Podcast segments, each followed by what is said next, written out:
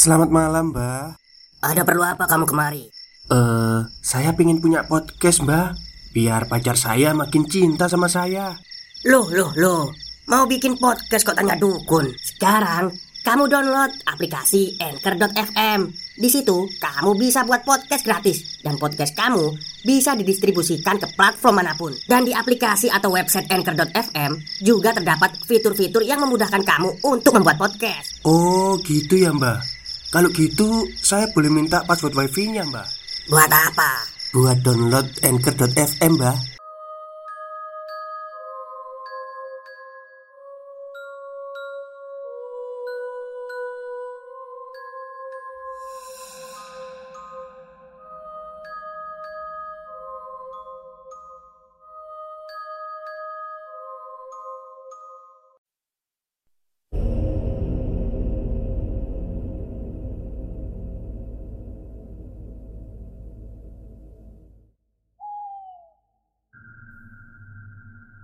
Assalamualaikum warahmatullahi wabarakatuh. Halo semuanya.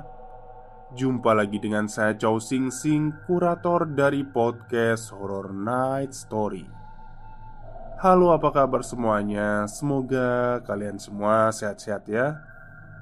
Dan seperti biasanya Pada siang hari ini Saya kembali dan akan menghadirkan sebuah kisah mistis Untuk kalian semua Kisah mistis kali ini saya datangkan dari treat horornya Mas Agil Saputra Yang menceritakan kejadian mitos atau urban legend Yang terjadi di daerah Magelang di tahun 68 ya kalau nggak salah. Ya 68 Oke Daripada kita berlama-lama Mari kita simak ceritanya Magelang, Jawa Tengah 1968 Ditemukan mayat pria tanpa kepala Di pinggiran sungai yang arusnya melewati belakang rumah desa. Tak ada identitas Hanya pakaiannya saja yang masih melekat. Tapi tak perlu waktu lama untuk mengetahui siapa orang itu. Magelang, Jawa Tengah 1968 Suatu pagi Suatu desa digegerkan oleh penemuan mayat tanpa kepala di pinggir sungai. Mayat itu masih utuh. Badannya tidak begitu menggelembung Dengan seutas tambang terikat di perutnya. Ketika warga mencoba meraihnya dengan bambu Mayat itu terbalik terlihat tambang menjuntai seukuran 4-5 jengkal orang dewasa. Di bagian belakang pinggulnya Mungkin mayat itu terlepas dari pemberatnya Sehingga muncul di permukaan. Entah kepalanya dipenggal atau dimakan binatang Karena terlihat potongan tidak rata di bagian lehernya. Pakaiannya masih lengkap yaitu memakai kemeja putih dan celana krim. Polisi pun datang dan segera mengidentifikasi mayat tanpa kepala itu. Tak membutuhkan waktu lama, identitas mayat itu terungkap hari itu juga. Sutarji, warga desa setempat banyak mengenalinya.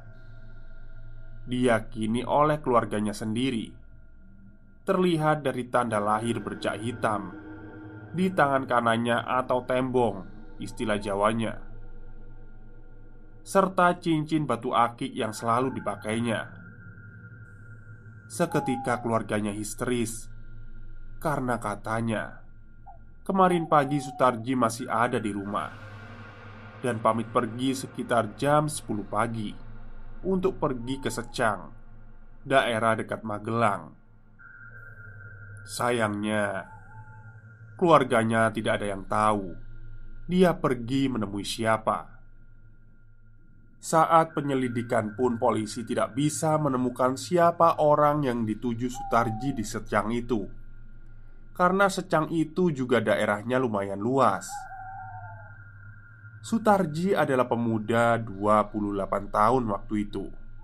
Sukses, tapi belum menikah Profesinya adalah belantik sapi Atau pedagang sapi Singkat cerita, setelah dua hari pencarian bagian kepala Sutarji yang hilang tidak menemui hasil, keluarga Sutarji yang mana tinggal adik dan ibunya ingin jasad Sutarji segera dikebumikan saja. Mereka pun tak mengizinkan jenazah Sutarji diperiksa forensik lebih dalam. Otomatis, ini menghentikan polisi untuk mengungkap kasus ini. Sempat dienduskan isu kalau Sutarji tersangkut dengan PKI Karena di tahun itu memang lagi gencar-gencarnya. Tapi itu dibantah oleh keluarganya sendiri. Secara Almarhum ayah Supardi adalah seorang TNI Jadi menurut keluarganya tidak mungkin Sutarji terkait dengan hal itu. Kembali kejadian. Empat lima hari setelah penemuan Jenazah Sutarji dikebumikan Ya, tanpa kepala. Banyak yang tidak menyangka Sutarji bisa meninggal dengan tragis. Sosoknya ceria dan ramah Kebiasaan yang paling diingat oleh warga adalah Sutarji ini sangat mencintai olahraga. Kebugaranlah. Sepertinya itu menurun dari ayahnya yang tentara.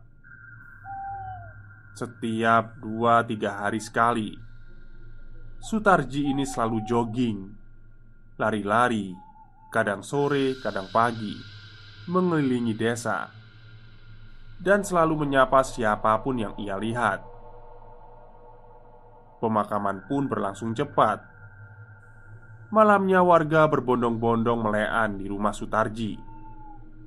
Sepertinya warga ingin meredam kesedihan keluarganya Terutama ibu Sutarji Yang sudah berusia lanjut. Singkat cerita, tujuh hari setelah pemakaman Sutarji Warga mulai diteror oleh gembung Yaitu hantu tanpa kepala Yang diduga itu adalah arwah Sutarji Seperti biasa, Pak Kromo, pedagang kerupuk pikulan dari desa sebelah, menjajakan kerupuknya di desa tempat Sutarji berasal. Beliau berangkat habis subuh karena memang ini rute pertama dan terdekat di mana biasanya Pak Kromo keliling dari desa ke desa. Pak Kromo berangkat habis subuh Langit masih agak petang dan berkabut. Jalan antar batas desa dikelilingi oleh kebun albasia kanan dan kirinya. Sepanjang jalan 50 meter kira-kira. Ketika memikul, biasanya orang akan sedikit menunduk. Seketika beliau menengadahkan kepalanya. Dari kejauhan, sayup-sayup Pak Kromo melihat ada orang berlari. Arahnya berlawanan dengannya. Karena sedikit kabut, hanya terlihat baju merah dan sepatu putih saja berlari. Oh, ono wong olahraga. Batin Pak Kromo. Pak Kromo pun kembali berjalan dengan agak menunduk Menahan beban kerupuk yang masih banyak. Sosok yang lagi jogging itu semakin mendekat Dan otomatis Ketika jarak 2 meteran Maksud Kromo ingin menyapanya. Tapi Ketika Pak Kromo mendongak Menengadahkan kepalanya Sosok yang berlari itu Tidak memiliki kepala Sontak beliau kaget. Dilepaskanlah pikulan kerupuknya Dan berlari ke arah desa. Menurut narasumber, Pak Kromo sampai nggak bisa ngomong. Cuma a u a u Itu kejadian jam 5 pagi. Baru sekitar jam 9 pagi Pak Kromo bisa ngomong Dan kembali mengambil dagangannya Ia pun ditemani warga. Kata narasumber Sejak saat itu Pak Kromo tak terlihat berjualan kerupuk lagi. Ternyata tak hanya Pak Kromo yang mengalami hal itu. Selang sehari desa kembali gempar Karena sosok berlari Yang diduga arwah Sutarji itu Mengelilingi desa tanpa kepala Tapi di malam hari Kejadian itu berulang setiap hari di tengah malam. Menurut narasumber, ini sudah mencapai tahap yang ekstrim, di mana warga bisa mengenali tanda-tanda kehadiran sosok berlari itu. Sebelum sosok itu lewat, katanya ada suara Sosok itu berlari dengan darah yang muncrat-muncrat dari batang lehernya yang mana itulah yang menimbulkan suara. Kurang lebih, suaranya seperti kambing ketika disembeli, dan kepalanya sudah putus. Akan ada suara dari kerongkongan yang mengeluarkan darah. Selama berhari-hari, ada sebagian warga yang mungkin jenuh dengan teror itu dan mencoba melawan rasa takutnya dengan mengintip jendela. Setelah mereka mendengar ada suara itu lagi, suaranya memang tak begitu jelas, tapi ketika di keheningan malam, suara itu bisa didengar, dan memang benar. Katanya, mereka bersaksi melihat sosok arwah Sutarji tanpa kepala dan sedang berlari, mengulangi kegiatan di masa hidupnya. Belum genap 40 hari kematian Sutarji Teror hantu gembung ini semakin sering terjadi Selain sosok yang berlari tanpa kepala Ada juga kisah ini Pak Kurdi Beliau adalah orang pertama yang menemukan jasad Sutarji. Desa ini semakin sunyi dan sepi pasca kejadian penemuan jasad Sutarji. Warga memang ketakutan. Hampir setiap habis maghrib, tak ada yang berani keluar dari rumah. Apalagi Pak Kurdi ini Sehari setelah kejadian Pak Kurdi sempat sakit. Beliau mengalami shock berat. Jelaslah Karena beliau yang pertama menemukan jasad Sutarji. Dan Di suatu malam menuju 30 hari kematian Sutarji. Kira-kira pukul satu dini hari Ada suara ketokan dari pintu rumahnya Tok, tok. Awalnya Pak Kurdi takut dan mencoba untuk mengacuhkannya. Tapi ketukan itu semakin keras. Dok, dok, dok. Pak Kurdi sedikit emosi. Siapa sih malam-malam?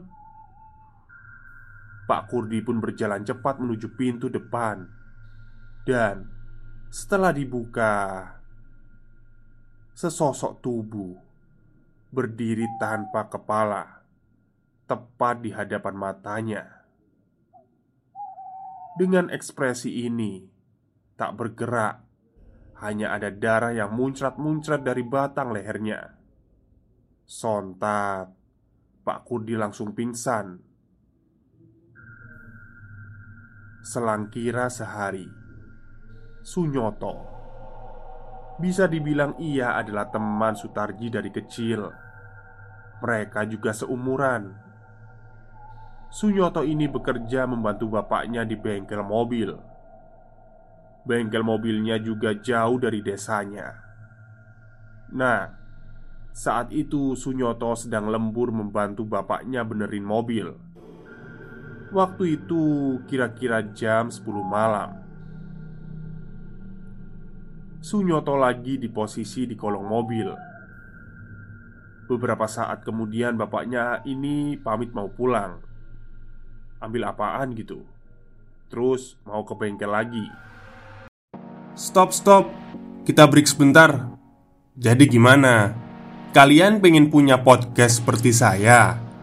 Jangan pakai dukun, pakai Anchor. Download sekarang juga. Gratis. Kira-kira jam setengah sebelas Posisi masih di kolong mobil Sunyoto melihat kaki di samping mobil Yang tengah diperbaikinya Awalnya dia mengira itu adalah bapaknya Oh, sudah sampai toh pak? Kok nggak ada suaranya?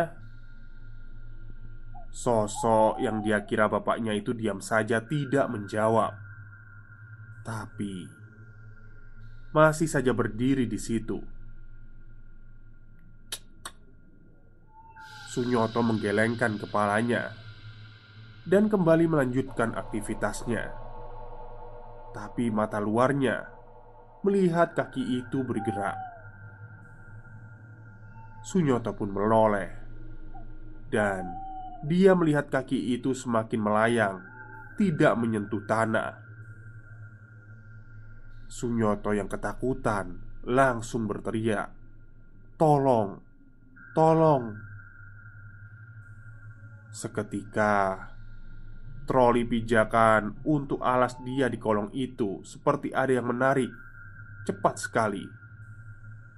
Sampai dia tak lagi di kolong mobil. Sunyoto sempat berlari, tapi te tepat di sampingnya ada gembung dengan posisi yang seperti ini. Sunyoto pun pingsan dan ternyata di malam yang sama ada beberapa warga yang juga didatangi sosok gembung itu dengan ekspresi kedua tangan menengada seakan bertanya, "Di mana kepalaku?" Tiga hari kemudian, adik Sutarji mendatangi warga dia bersaksi bahwa dia selama ini lebih dari tiga kali mimpi bertemu kakaknya.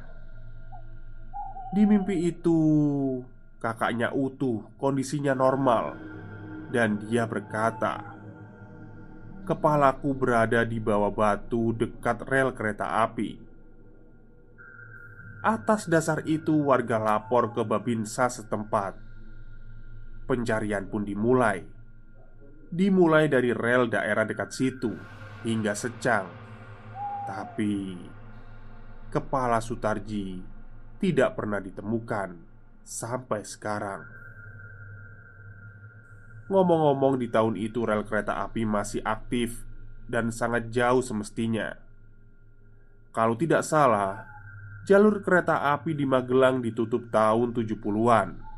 Sama seperti di Temanggung Secang dan di sekitarnya. Konon katanya sampai sekarang di malam-malam tertentu hantu gembung itu yang mencari kepala dengan menegah dengan menengadahkan kedua tangannya itu sering muncul. Sekian. Oke. Itulah cerita singkat dari Mas Agil Saputra tentang gembung atau hantu tanpa kepala. Serem ya kalau ketemu setan seperti itu.